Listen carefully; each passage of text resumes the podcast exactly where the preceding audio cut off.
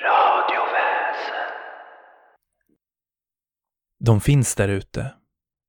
Och om du någon gång har befunnit dig i skog, träskmark eller kring en kohage nattetid så har du säkert sett dem. Min farfar, som växte upp i trakterna kring Eksjö i Småland, såg dem redan i tidig ålder. Han kan nog inte ha varit mer än sju, eller högst åtta år, och var på väg hem ifrån en bekant till familjen. Klockan hade redan hunnit bli sent och mörkret hade omslutit farfar. Vägen hem gick ut med många ängar och fält och just denna natt hade en ovanligt tjock dimma lagt sig över hela trakten kring Eksjö socken. Farfar hade svårt att känna igen sig där han gick då allt såg så annorlunda ut men han fortsatte att följa den grusväg som han antog var den rätta. Allt kändes mycket längre och gång på gång stannade han tvekande inför om han skulle fortsätta gå eller om han skulle vända om för att istället ta en annan väg. Varje gång utmynnade dock tvekan efter en stunds betänkande i samma resultat. Han fortsatte på samma väg. När han ännu en gång stannade till så kände han hur dimman runt honom liksom lättade upp. Stilla där han stod kunde han tillsammans med sina andetag höra fotsteg. Farfar stod själv stilla så han visste att det inte var hans steg. Nej, ljudet kom ifrån dimman. Rakt framför honom. Rakt emot honom. Ett ljussken. I dimman.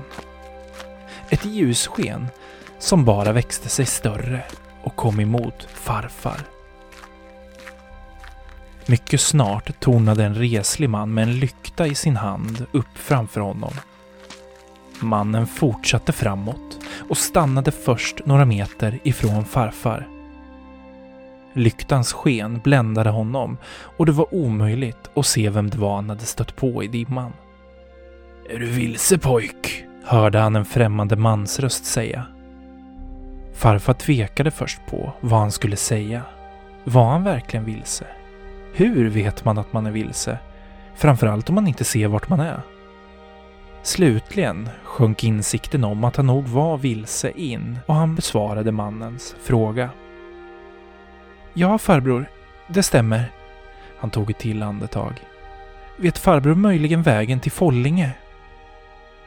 Ja, nästan mumlade mannen och gjorde en rörelse med lyktan som farfar tolkade att han skulle följa efter. Utan att yttra ett enda ord så följde farfar efter den okända mannen vidare in i dimman. Det ni måste förstå är att det här är några år innan andra världskrigets utbrott. Och det var andra tider då. Det var på den här tiden inte alls för förvånande att en vilsen liten pojke mottog hjälp av en främmande utan en tanke på alla de hemskheter som vi idag förutsätter ska hända. Hur som helst, farfar berättade att de på rad, med en armlängds avstånd, fortsatte genom dimman i säker en halvtimme, om inte mer. Ett tydligt minne som han återberättade av färden var att mannen hela tiden höll lyktan ifrån sitt ansikte och att han aldrig tvekade om vägen. Han var som en maskin som betade av meter efter meter under fullständig tystnad. Farfar kände hur kylan började tränga sig på och var på väg att fråga mannen om han trodde sig vara säker på vägen och om det var långt kvar. Då plötsligt stannade mannen pekade framför sig och lyfte lyktan.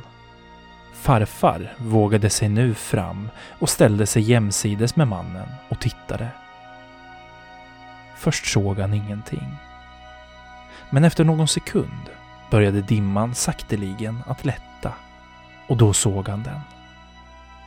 Mor och fars gård.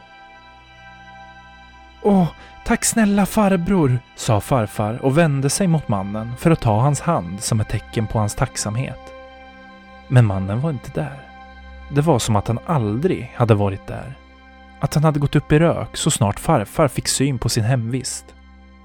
När farfar kom in i huset och ivrig berättade för mor och far om det inträffade utbytte de först en leende blick mot varandra innan hans far satte sig ner för att förklara för farfar vad det var han egentligen hade mött. En lyktgubbe.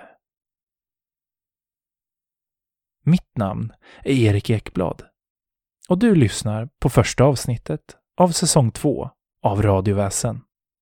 Välkommen!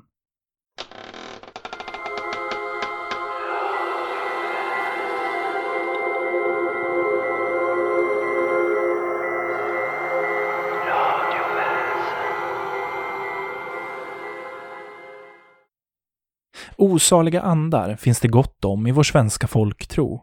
Och en av de här, det är Lyktgubben. Lyktgubben är en ande som är dömd att vandra kvar på jorden efter att dennes tid kommit till ett slut. Detta på grund av orätta eller osanna mätningar som den här personen har gjort genom att flytta råmärkena eller råstenarna. Ett råmärke eller en råsten är en markering eller sten som markerar gränsen var ägor och tomter går. Genom att flytta de här markeringarna så tillförskaffar man sig mer mark på ett otillbörligt sätt. Och det här, det uppskattas varken i denna värld eller världen efter. Om man kommer riktigt nära en lyktgubbe så kan man ibland, om man har tur eller kanske otur, höra honom mumla. Här är rätt, här är orätt. Om och om igen under hela hans nattliga vandring. Han visar under sin färd vart han har gjort fel. Sägner berättar både hur lyktgubben kan vara vänlig och hjälpa vilsna själar hem, men också hur denne har försökt att locka ut dem i sumpmarkerna, antingen för att göra dem våta in på skinnet i form av ett spratt, eller i ren ilska dränka dem. Det finns också sägner som berättar om att lyktgubben visat vart dolda skatter finns att gräva upp. Men det här måste ske under total tystnad när man gräver upp och lösgör skatten. Yttrar man ett enda ord så kommer skatten att förvandlas till ormar och kryp framför dina ögon. Men det finns ju såklart de som menar att det finns en logisk förklaring till de olika ljusskenen som observeras och som genom åren tillskrivits lyktgubben. Det här är något man kallar irrbloss. Irrbloss är en kallt brinnande låga som kommer när sumpgas självantänds. Och det här har då skett på såväl sumpmarker, gravplatser och galgbackar. Och vi människor har genom alla tider haft ett behov av att kunna förklara olika fenomen som sker. Bland annat varför man ser ett ljus eller en lykta på en kyrkogård eller galgbacke om nätterna. Och vad vore väl mer spännande om den enda logiska förklaringen var att ljusskenet kommer ifrån lyktan tillhörande en osalig ande som fastnat i vår värld och som nu är dömd att vandra över kyrkogårdens kalla grus i tidernas evighet. I dagens avsnitt kommer vi att få stifta bekantskap med en för podden ny författare, nämligen Mikaela Schmidt. Mikaela är dock ingen nybörjare i poddvärlden, utan hon har skrivit berättelser och noveller både för podden Hemsökt och När mörkret faller, med flera. Mikaela är en minst sagt skicklig berättare som inte fegar ur när det kommer till att kasta sig ut i det okända och visar tydligt att hon gärna antar utmaningen att skapa berättelser i helt nya miljöer. Men nu, mina vänner, tillåt mig presentera novellen Vendela som kommer ur novellserien Fantomminnen. Del 1 Jag har en äldre släkting. Vendela heter hon. En kavat och rundlagd dam med vitt hår och ständigt lika rosiga kinder. Hon är på det hela taget precis en sån tant som man brukar hitta i sagoböcker och familjefilmer alltid snäll och vänlig och alltid sju sorters kakor och nygräddade bullar. Alltid tid för barn och för småprat med de vuxna. Aldrig ett ont ord och sällan djupa allvarliga samtal om livets mysterier. Sådan var hon, Vendela. Jag träffar henne inte så ofta numera. Det blir mest ett telefonsamtal då och då. Men när jag var barn var vi där och hälsade på ganska mycket. Ibland var hon barnvakt och då fick jag sova över hos henne under stickiga yllefiltar. Och det var det bästa som fanns. Nattmacka på kvällen, varm choklad och smörgåsar med honung till frukost. och god mat däremellan. Högläsning och utflykter och en vuxen person som lyssnade på riktigt fast man var barn. På samma sätt som vuxna liksom. Sådana saker som äldre barnlösa släktingar har tid med och kan kosta på sig medan föräldrarna har fullt upp med att få vardagen att fungera. Barn älskar sånt. Tant Vendela hade i många år ett sommarhus. Ett stort gammalt trähus i två våningar som var glatt gulmålat. Där tillbringade hon senvåren, sommaren och hösten med att fiska, plocka svamp och hålla i ordning i den stora trädgården. Det fanns mängder av olika sorters blommor, bär och frukt av olika slag. På hösten var det alltid lite bråttom med att hinna plocka allt i trädgården och i skogen och sedan skulle det saftas, syltas och kokas mos. Överallt låg det svampar på tork och köket var fullt med äppelskivor uppträdda på snören som hängde som tvättlinor mellan bjälkarna i taket. Från augusti till oktober såg man aldrig tant Vendela utan ett bärfläckat förkläde och håret i knut. Vi var sällan där under hösten, och nu som vuxen har jag förstått att det berodde på att hon helt enkelt inte hade tid med oss då. Men på sommaren var vi där, och ganska ofta firade vi påsk i det där sommarhuset. Det var där vi såg årets första tulpaner och påskliljor. Och som jag minns det var det alltid varma och soliga somrar där.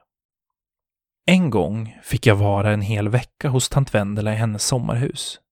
Jag minns inte riktigt varför, eller vad resten av familjen var, men jag var i alla fall överlycklig över att få vara där och att ha tant Vendela för mig själv. Vi fiskade, promenerade och hälsade på grannens kor. Vi påtade i trädgården och byggde en koja i skogsbrynet som faktiskt blev riktigt fin. På kvällarna satt vi på verandan med våra kvällsmackor och var själva nattmål åt tusentals mygg som levde i paradiset där mellan skogen och sjön. Tant Vendela hade alltid en tänd stormlykta som stod på bordet de där sommarkvällarna och så en glödande myggspiral som luktade konstigt och inte hjälpte alls. Vi satt där och småpratade lågt. Hon i sin gungstol och jag i en knarrig gammal korgstol med benen dinglande eftersom jag inte nådde ner till golvet. Så gick dagarna. En av de sista kvällarna när vi satt där på verandan så frågade jag tant Vendela om jag skulle kunna få sova i kojan som vi hade byggt. Då blev tant Vendela plötsligt väldigt sträng och korthuggen. Kommer inte på fråga tös, snäste hon åt mig. Jag hade aldrig sett henne annat än glad och snäll, så jag blev förvånad, förvirrad och lite rädd på samma gång. Jag petade osäkert på ett plåster jag hade på knät. Det höll på att lossna lite i ena hörnet och kanterna hade börjat rulla sig. Till slut så tog jag mod till mig. Varför inte? sa jag efter en stunds tystnad. Tant Vendela teg en stund till, men sedan berättade hon varför. Och jag önskar att hon hade låtit bli. Du vet ju lilla tösabit hur det ser ut här. Skogen precis bakom och sjön alldeles framför. Det kan hända olyckor. Tänk om du blir rädd eller behöver gå på toaletten och så går du fel. Men inte bara det. Det finns något här som inte är snällt på natten. En varelse, så obegriplig att jag vill skydda dig ifrån att möta den. Jag vet inte vad det är han vill och jag tänker inte heller ta reda på det. Och det ska inte du heller göra. Det måste du lova mig. Och efter det började tant Vendela att berätta. En höst för några år sedan blev jag kvar här lite för länge. Skörden blev sen och allt drog ut på tiden ända in i november. I november är det mörkt på kvällarna och så är det ju ganska ruggigt på dagarna för det mesta. Jag ska erkänna att jag började längta hem till stan och ville bara bli färdig, packa bilen, stänga huset och komma därifrån. Den sista kvällen i huset den här hösten så var vädret förfärligt. Det blåste hårt och regnet piskade hårt med dropparna som jag kände som istappar. Det kändes att vinter nu var nära. Jag hade precis fått undan det sista när strömmen plötsligt gick. Och du vet ju att det här ofta händer när vädret är dåligt. På sommaren så gör det inte så mycket, men det är besvärligt på hösten. Det blir väldigt mörkt. Men jag var ju klar med mitt och klockan var ganska mycket, så jag gick helt enkelt och la mig. Jag hade precis kommit till säng när det hördes en rad knackningar på fönstren på nedervåningen.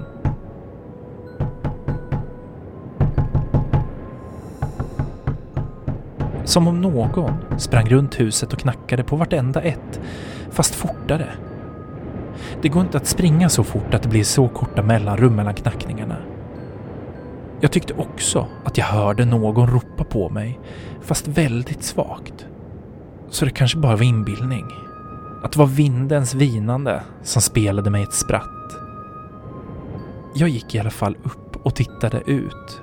För någon hade ju knackat. Och kanske var det någon som behövde hjälp i ovädret som väsnades så förskräckligt där ute. Först såg jag ingenting. Det var ju mörkt och sedan tar skogen vid bakom huset och gör det ännu mörkare. Men så fick jag plötsligt syn på ett ljussken inne bland träden. Först stod det stilla, men sedan började det röra sig fram och tillbaka som om någon med en lampa irrade omkring ensam där ute. Jag tänkte på knackningarna. Det var nog någon som behövde hjälp, som kanske hade gått vilse. Jag öppnade fönstret och ropade, eller kanske så skrek jag för att överrösta ovädret. Hur som helst så fick jag inget svar och ljuset slocknade i samma sekund som jag ropade. Jag stängde fönstret och kröp ner i sängen igen. Ljuset måste ha varit en lyktgubbe, tänkte jag. Lyktgubbe, drakeld, irrbloss. Kärt barn har många namn sägs det, men det är i alla fall inte farligt. Och knackningarna måste bara ha varit vinden. Glaset i fönstren var ju gammalt. Jag måste ha somnat, för det nästa jag minns är att det är morgon och hela världen var full av snö. Del 2 Jag lyssnade uppmärksamt på tant Vendela och på ett barns vis hade jag förstås mängder av frågor. Men jag teg, för jag ville höra fortsättningen. Frågorna fick vänta. Konstigt, tänkte jag. Tant Vendela brukar aldrig berätta otäcka historier. Det här måste vara sant. Vad visste jag om fantomminnen? Jag kände bara i magen att det hon talade om var en uråldrig fara som jag behövde veta mer om för att kunna undvika. Det kändes i hela mig att det var viktigt att lyssna. Och någonstans inom mig så kände jag igen det där. Ni vet, sånt där man gör när man snubblar över sitt fantomminne. Det var både spännande och lite otäckt, men jag vågade inte längre ha benen dinglande över golvet. Jag hade fortfarande monster under sängen på den tiden. Och man vet aldrig, tänkte jag. Rätt som det är kommer de fram och vill leka. Jag drog snabbt upp benen under mig i korgstolen och tant Vendela gav mig en hastig blick. Blev du rädd? Ska jag inte berätta vad som hände sen? frågade hon och lät bekymmersam på rösten. Nej, fortsätt, sa jag tappert, fast mitt omplåstrade knä skavde och sved mot armstödet. Så hon fortsatte. Snön som hade kommit under natten låg som ett vitt täcke över allting. Och det hade kommit en hel del. Det var nog en decimeter i alla fall. Termometern i köket visade minus fem grader och himlen var blå.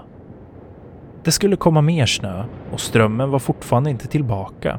Jag fick skynda mig att komma iväg för det skulle bli svårt att ta sig fram utan vinterdäcken. Jag gick fram och tillbaka flera gånger innan bilen var lastad, huset igenbommat och jag själv var redo att åka. Till slut var allt klart och jag satte mig bakom ratten. Jag hade den där lilla gröna Fiaten då, men den minns nog inte du. I alla fall satte jag nyckeln i tändlåset och vred om.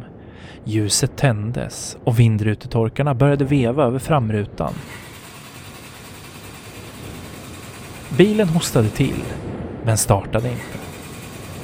Jag försökte igen, men den ville inte. Jag blev nog lite för ivrig dessvärre, för jag försökte igen och igen och igen. Men efter att ha hostat till några gånger så blev den till slut helt tyst och lyset och torkarna slutade också att fungera. Jag antar att jag gjorde slut på batteriet med alla mina försök att starta. Och nu var jag fast i snön i sommarstugan och kunde inte komma därifrån. Jag gick in igen. Vad hade jag för val? Jag tände eld i vedspisen i köket och stängde köksdörren för att behålla värmen. Strömmen var borta och jag upptäckte även att telefonen var död. Jag satte mig där jag satt helt enkelt och fick göra det bästa av situationen. Efter en stund bestämde jag mig för att jag behövde kaffe. Så jag smet kvickt ut till bilen och hämtade kaffe, smör, bröd och ost. För jag måste ju få i mig något. Medan jag satt där med mitt kaffe, smörgåsar och ett gammalt halvlöst korsord så började det snöa igen. Dagen gick och snöfallet kom och gick hela tiden. Det fanns fortfarande ingen ström och så småningom blev det först skymning och sedan mörkt och jag tände stormlyktan. Jag var glad över min gamla vedspis och över att det fanns ved så att jag åtminstone inte behövde oroa mig för att kunna hålla mig varm under natten. Det var i alla fall vad jag trodde tills jag öppnade vedlåren och såg hur mycket som hade gått åt under dagen. Det går åt mer när det är kallt och jag var inte van att elda för uppvärmning. Och inte att vara i huset på vintern heller för den delen. Jag behövde helt enkelt gå ut och hämta mer ved. Jag byltade på mig ordentligt, tog vedkorgen på armen och pulsade genom snön till vedbon. På tillbakavägen gick det inte lika fort. Ved är tungt och det var svårt att pulsa i snön och bära den tunga korgen samtidigt. Jag var tvungen att stanna och vila halvvägs fast att det som du vet inte är mer än 30 meter mellan vedbon och huset. Och så kom det sig att jag fick syn på något som jag inte sett när jag gick ut. Under varje fönster fanns ett prydligt par fotspår. Som om någon stått där och kikat in. Hallå! ropade jag. Är det någon där? Jag fick inget svar och i samma ögonblick slog det mig att det inte fanns några fotspår mellan fönstren. Snön var orörd där. Hur kom det sig? Antingen lämnar man väl fotspår efter sig, eller också inte. Jag fick bråttom in efter den upptäckten. Det kan du skriva upp. Jag ställde ifrån mig vedkorgen innanför dörren och skyndade mig att släcka lyktan och titta ut genom köksfönstret. Nu såg jag det igen. Det där irrande ljusskenet mellan träden. Irrbloss? Men irrbloss kan väl inte uppstå på vintern? Det kanske lyktgubbar kan, for det genom mitt huvud. Och de kanske lämnar fotspår efter sig också. Vid det här laget var jag riktigt rädd faktiskt. Någonting hade stått utanför mitt fönster och tittat in på mig. Någonting som nu befann sig i skogen med sin lykta. Och värst av allt. Det lämnade bara spår efter sig när det stod stilla. Hur är det ens möjligt? Jag fixerade blicken på ljusskenet för att försöka se vad det var. Och plötsligt så kom det rusande emot mig och stannade tvärt i skogsbrynet, ungefär där kojan är idag. Hans lykta, eller vad det nu var, gjorde att jag bara kunde se siluetten av figuren som stod där. Det såg nästan ut som en människa. Men mindre och förvriden på något sätt. Den rörde sig på ett konstigt sätt också. Som en tecknad film där varannan bildruta är borta. Hackigt, knyckigt och snett. Jag kan inte beskriva det bättre än så. Jag såg att han iakttog mig och jag stirrade tillbaka. Plötsligt tog han ett språng in i skogen och både han och ljuset försvann. Jag var plötsligt darrig i benen och var tvungen att sätta mig ner och tänka klart. Någonstans i bakhuvudet ringde en klocka. På något sätt visste jag, fråga mig inte hur, att jag måste ge den här varelsen något i utbyte för att få vara i fred. Att om jag var snäll kunde inte han vara dum. Så jag kokade kaffe, bredde smörgåsar och ställde ut det på trappan. Sedan la jag mig på kökssoffan och drog filten över huvudet. Länge, länge låg jag där och lyssnade ut i mörkret. Men det enda som hördes var ett rådjur som skällde med jämna mellanrum. Till slut somnade jag. Och när jag vaknade på morgonen så var strömmen tillbaka och telefonen fungerade. Kaffet, smörgåsarna och till och med muggen var borta. Och faktiskt så startade bilen också när jag försökte. Jag vet inte, lilla tösebit, vad det var för något. Kanske var det en lyktgubbe. Sån där som alla tror bara är skrock. Eller kanske var det något helt annat. Men jag vill inte att du ska träffa honom ensam utan att ha något annat att erbjuda än din rädsla. Faktum är att nu när vi pratat om honom är det kanske bäst att vi ställer ut mjölk och smörgåsar åt honom i natt. För man vet aldrig. Så det gjorde vi. Tant Vendela och jag.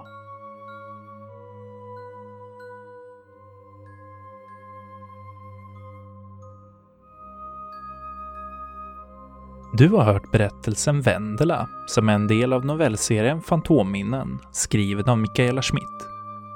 Länk till Mikaelas blogg, där du kan läsa hela serien Fantomminnen, finns på våra sociala medier och i avsnittsbeskrivningen. Jag rekommenderar verkligen ett besök där, för utöver Fantomminnen finns det väldigt mycket bra berättelser att kunna ta del av och fördjupa sig i. Och sen var det inledningen av avsnittet. Du hörde där kortnovellen Vilse i dimman, som var skriven av mig, Erik Ekblad, som även producerat och läst dagens avsnitt.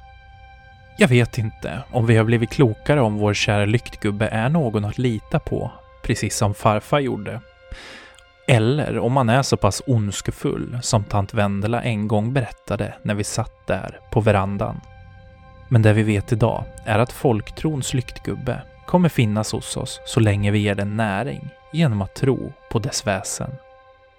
Och visst är det ändå en kittlande tanke att det ändå finns en möjlighet att det faktiskt är någon där ute som går runt med en varmt inbjudande lykta i februarinatten och håller reda på vad som är rätt och vad som är orätt, både i vår tid och den som kommer efter.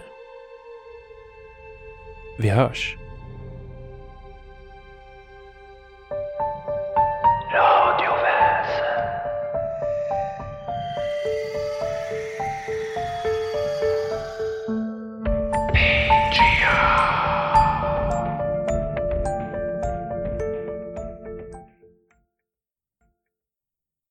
Hallå där Patreoner över hela Sverige och välkomna till extra materialet. Idag kommer vi fortsätta prata om lyktgubbar, vilket är ett väldigt spännande väsen. Och det är ju faktiskt så att även om lyktgubben har gjort sig orätt när den väl var i livet, så kan lyktgubben vara en hyvens kille när den väl står och tassar på gränsen mellan vår värld och nästa. Här i utkanten av Norrköping mot Söderköping finns det en legend om att någonstans i en myr så ligger en hästvagn fylld med rikedomar. Det finns en sägen som berättar hur ett arbetslag på väg hem ifrån sitt arbetspass möter just en lyktgubbe som lovar att ta dem till skatten. Men från den stunden så får ingen av dem tala för resten av natten. Och det här är villkoret för att lyktgubben ska visa dem och ge dem rikedomarna. Männen accepterar och färden leder vidare till en myr och efter många långa timmar med grävande så finner de en vagn överfylld med rikedomar. De lyckas ta upp vagnen till solid mark, varav en av kararna utbrister något i stilen med ”Det var då satan vad tung den var”. Sägen berättar då hur lyktgubben omedelbart försvinner och att vagnen liksom mekaniskt åter börjar backa backa och rulla ner i myren och täcks av jord, lera och växtlighet. Alla försök ifrån ett hyfsat desperat arbetslag att finna skatten igen misslyckas. Den är inte där. Det finns också berättelser om hur onyktra män eskorterats hem av lyktgubbar. Men när den här onyktre har eskorterats till farstutrappen och bett lyktgubben att fara och flyga så har lyktgubben mycket riktigt försvunnit. Dock inte utan att spela den här mannen ett spratt. När mannen vänder sig om finns där nämligen ingen dörr på huset. Och hur många varv mannen än går kring sitt eget hus, där han har bott i åtminstone 10, 20, 30 år, så finns där ingen dörr. Först på småtimmarna, när hustrun finner mannen sovande intill husväggen, så kan han ta sig in och om det här är resultatet av en ordentlig festkväll med en riktigt dålig bortförklaring eller en faktisk lyktgubbe låter jag vara osagt. På tal om utekvällar så kommer här en novell exklusivt för er i podden. Och nu får ni hålla i er, för nu kan det bli en överdos. För den är även skriven av mig, Erik Ekblad, och har fått namnen Sensommarnatt. Håll till godo.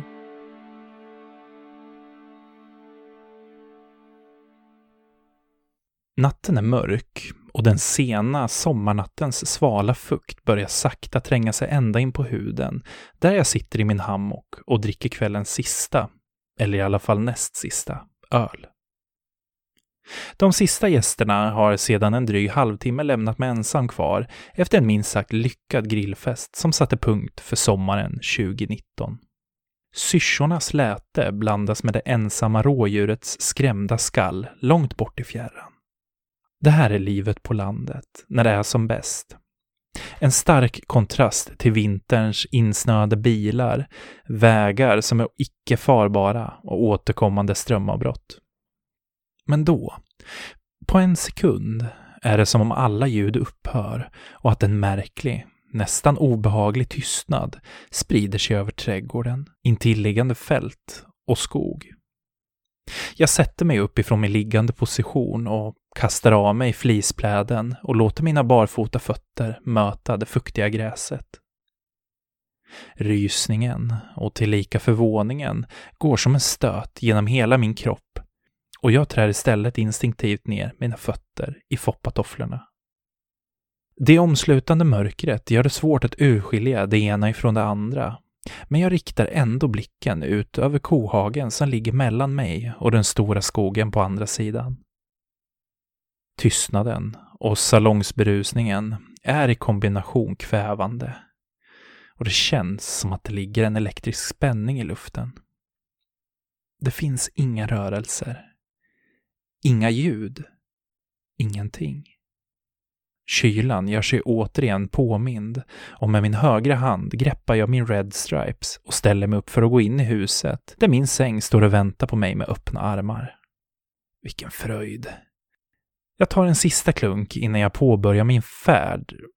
Men där i kohagen, ur bäckmörkret, så stiger ett ljussken. Inget ljussken ifrån en bil eller så. Nej, ljuset liksom fladdrar oroligt. Som om det var ett brinnande stearinljus i kalldraget ifrån ett fönster. På håll observerar jag skenet och ser hur det vajar fram och tillbaka som i en pendlande rörelse. Samtidigt, om än sakta, det rör sig fram över kohagen. Påverkad av alkoholen som jag är, så väcker ljuset snarare mitt intresse än min rädsla. Om med lätta, ändock bestämda steg tar jag mig både ner till och in i kohagen för att ta en närmare titt på det märkliga ljuset. Månens ljus hjälper mig att nästintill prickfritt navigera fram mellan komockor, håligheter och stenar. Och efter kanske 150 eller 200 meter gömmer jag mig bakom en stor sten intill ett träd. Ifrån min hukande position bakom den stora stenen kikar jag fram. Ljuset är nu bara 15-tal meter ifrån min position och jag ser, ser en man. Jo, visst är det en gammal man som går där med en lykta. Hans hållning är framåtlutad och i ena handen där han inte håller lyktan håller han i en käpp. Systematiskt rör han sig framåt steg för steg, meter för meter, i min riktning. På håll kan jag ändå se att hans kläder är uppenbart slitna och definitivt inte av senaste modell. Det är då jag hör att den gamla mannen mumlar något tyst för sig själv. Jag kan inte höra vad han säger, men på något sätt är det ändå uppenbart att han är förvirrad och måste ha gått vilse. Kanske bor han på äldreboendet någon kilometer härifrån, inne i själva samhället. Vad är jag för människa om jag skulle lämna en man? Vad är jag för människa om jag skulle lämna en förvirrad man mitt ute i kohagen? Om mannen därtill också är sjuk kanske det till och med är straffbart att inte hjälpa honom. Mannen är nu bara fem meter ifrån mig och det är nu jag hör vad han mumlar. Här är rätt, här är orätt. Här är rätt, här är orätt. Och jag inser nu att jag fortfarande står halvt dold på huk bakom stenen och jag börjar sakta resa mig upp. Mannen tar ingen notis åt mig utan bara fortsätter sitt mumlande och sin gång. jag harklar mig och tar till orda. Ursäkta, har farbror gått vilse? Hastigt stannar mannen upp mitt i en rörelse och höjer sin lykta till bröstet. Jag tar ett klumpigt steg bakåt, men lyckas parera genom att flaxa med armarna för att inte falla. Lyktans sken har lyst upp mannens ansikte och blottar nu två tomma ögonhålor. Jag står som fastfrusen i en paralys utan förmåga att kunna ta mig loss. I nästa sekund öppnar mannen sin mun och blottar sitt tandlösa inre. Ett omänskligt vrål som jag inte ens kommer försöka beskriva ekar över kohagen och angränsande skog. I samma stund exploderar lyktans ljus i ett inferno och skjuter iväg rakt över himlavalvet i extrem hastighet till ljudet av mannens öronbedövande vrål som sakta ebbar ut i takt med att ljuset avlägsnar sig. Ett totalt mörker sänker sig igen över kohagen. Återigen stillhet. Det ensamma skallet av ett rådjur är det som slutligen bryter min paralys. Och som på given signal vänder jag mig om och börjar springa. Jag forcerar ohämmat all terräng. Komockor, stenar, hålrum. Ett felsteg gör att jag faller handlöst ner i vad jag tror är ett dräneringsdike och den ena foppatoffen den ramlar av. Men jag kunde verkligen inte bry mig mindre. Så snart jag tagit mig upp på skakande ben igen så sparkar jag istället av mig den kvarvarande foppatoffen och fortsätter min flyende färd barfota. Likt en olympisk häcklöpare kastar jag mig över staketet från kohagen och sedan hoppar över staketet in till min trädgård.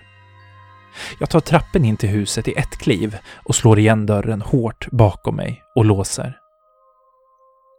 Hjärtat slår så hårt att hela huvudet dunkar. Halsen och lungorna brinner.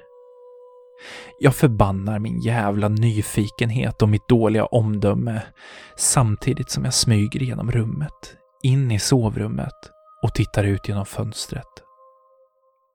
Och där ser jag det. Precis stående vid kohagens staket. Där är det. Ljuset Lyktgubben. Jag vet inte om han ser mig, men jag ser definitivt honom. Och efter någon sekund, som snarare känns som minuter, så ändrar ljuset istället riktning och rör sig istället lika lugnt och systematiskt återut över kohagen. Det är nu jag vet att det bara finns en sak att göra.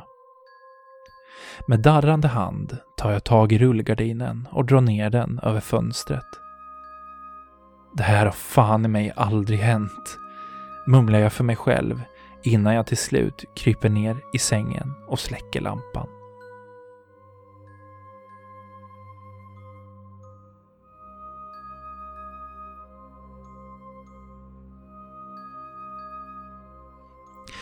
Tack för att ni har lyssnat idag och tipsa gärna era kompisar om podden.